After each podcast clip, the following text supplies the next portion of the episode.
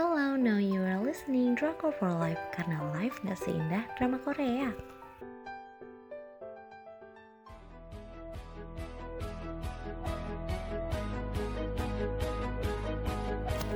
Aku bakal bacain review drama Korea The Hairs.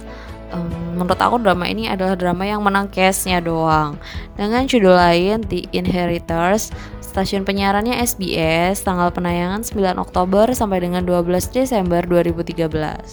Jumlah episodenya 20 episode dengan rating 3 dari 5. Selanjutnya aku bakal bacain sinopsis uh, drama ini tuh tentang dua insan yang ditakdirkan dit bertemu mau di Amerika di Korea kalau jodoh pasti bertemu Cha Eun Sang adalah anak orang biasa dia mau nyusul kakaknya yang lagi kuliah di Amerika dan hidup di sana.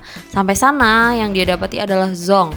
On Song ditipu kakaknya. Dia nggak kuliah, terus hidupnya hancur malahan. Kemudian ada Kim Tan, dia anak haram dari Cebol dikirim ke Amerika buat sekolah. Dia pengen balik ke Korea. Kemudian randomly dia bertemu dengan Ansang. Awalnya emang benci-bencian gitu, tapi lama-lama akur juga. Uh, time fly, mereka ketemu lagi di Korea dengan posisi anak majikan dan anak pembantu. Tapi cita-citaan mereka di, uh, dibalut perebutan warisan. Emang ceritanya receh sih. Cuma pas drama ini keluar tuh boom banget. Kenapa? Karena case-nya bertabur bintang. Selanjutnya aku bakal bacain alur cerita. Alurnya di awal emang greget banget ya.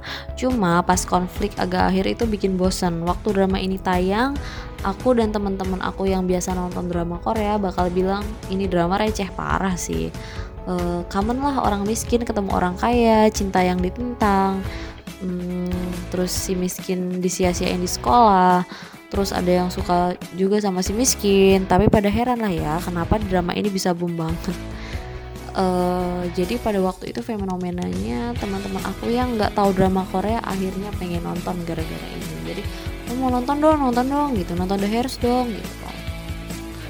Emang ya kumpulan pemainnya tuh bikin boom banget ya bertabur bintang nggak main-main. Kayaknya modalnya tuh dikeluarin cuman buat bayarin pemainnya sama bayarin original soundtracknya.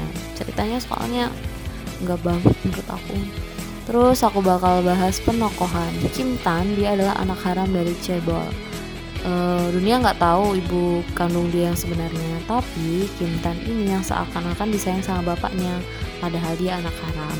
Kakaknya sebel dong sama Kim Tan. Aku nggak ngerti kalau drama ini niatnya emang mendapat banyak penonton lewat pemainnya.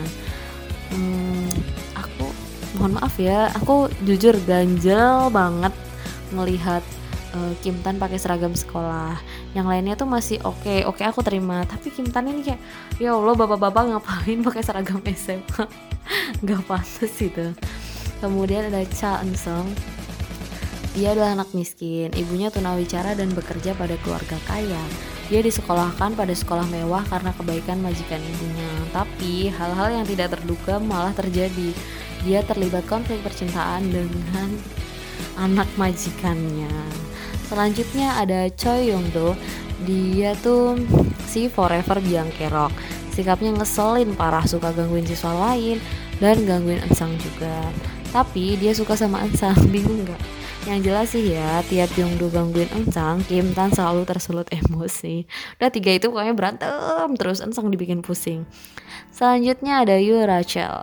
Itu adalah tunangan Kim Tan. Tapi Kim Tan nggak cinta. Jadi menurutku di sini tuh dia karakter yang paling terluka.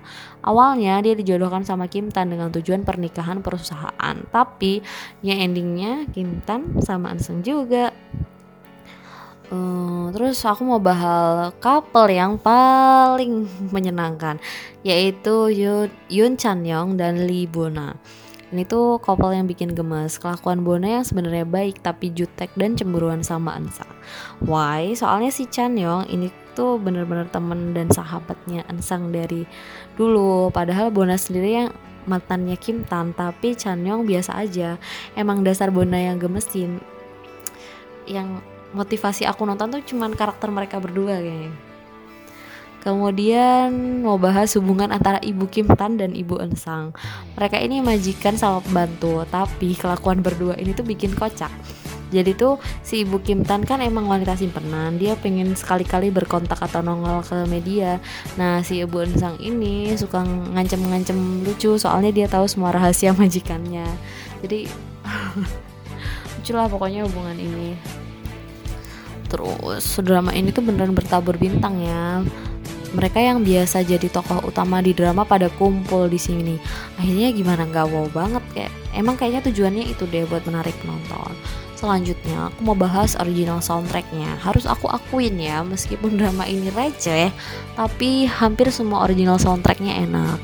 Pas kelar nonton, otomatis jadi banget gitu, harus jadi playlist dan terputar otomatis di otak aku. Aku sih curiganya drama ini emang digarap bukan karena apa-apa, tapi emang ada duit nganggur, duit banyak gitu, terus nggak tahu mau cerita apa gitu. Udahlah yang penting kumpulin yang ini uh, case-nya yang bagus-bagus gitu. Terus syuting lah kita di luar negeri gitu. Eh uangnya kita bikin original soundtrack yang bagus gitu. Itu sih spekulasi aku. Selanjutnya aku mau bahas tentang sekolah mereka yaitu SMA Jego aku nggak tahu sekolah model begini tuh ada beneran atau enggak. Yang jelas emang sekolah ini punya label serata sosial buat siswanya. Seakan penting kamu dari kasta mana boleh main sama siapa. Itu tuh penting banget. Soalnya ya emang sekolah ini tuh isinya penerus perusahaan gede di Korea. Kayak mereka pun udah bersaing gitu bahkan membangun koneksi di sekolah. Kita mah uh, zaman sekolah pas pas istirahat tuh ngomongin si ganteng kelas sebelah gitu karena ini dia tuh ngomongin saham mereka tuh udah main perusahaan gitu itu sih yang bikin keren dari sekolah mereka oh ya itu dia tadi review dari kita tentang drama The Hairs.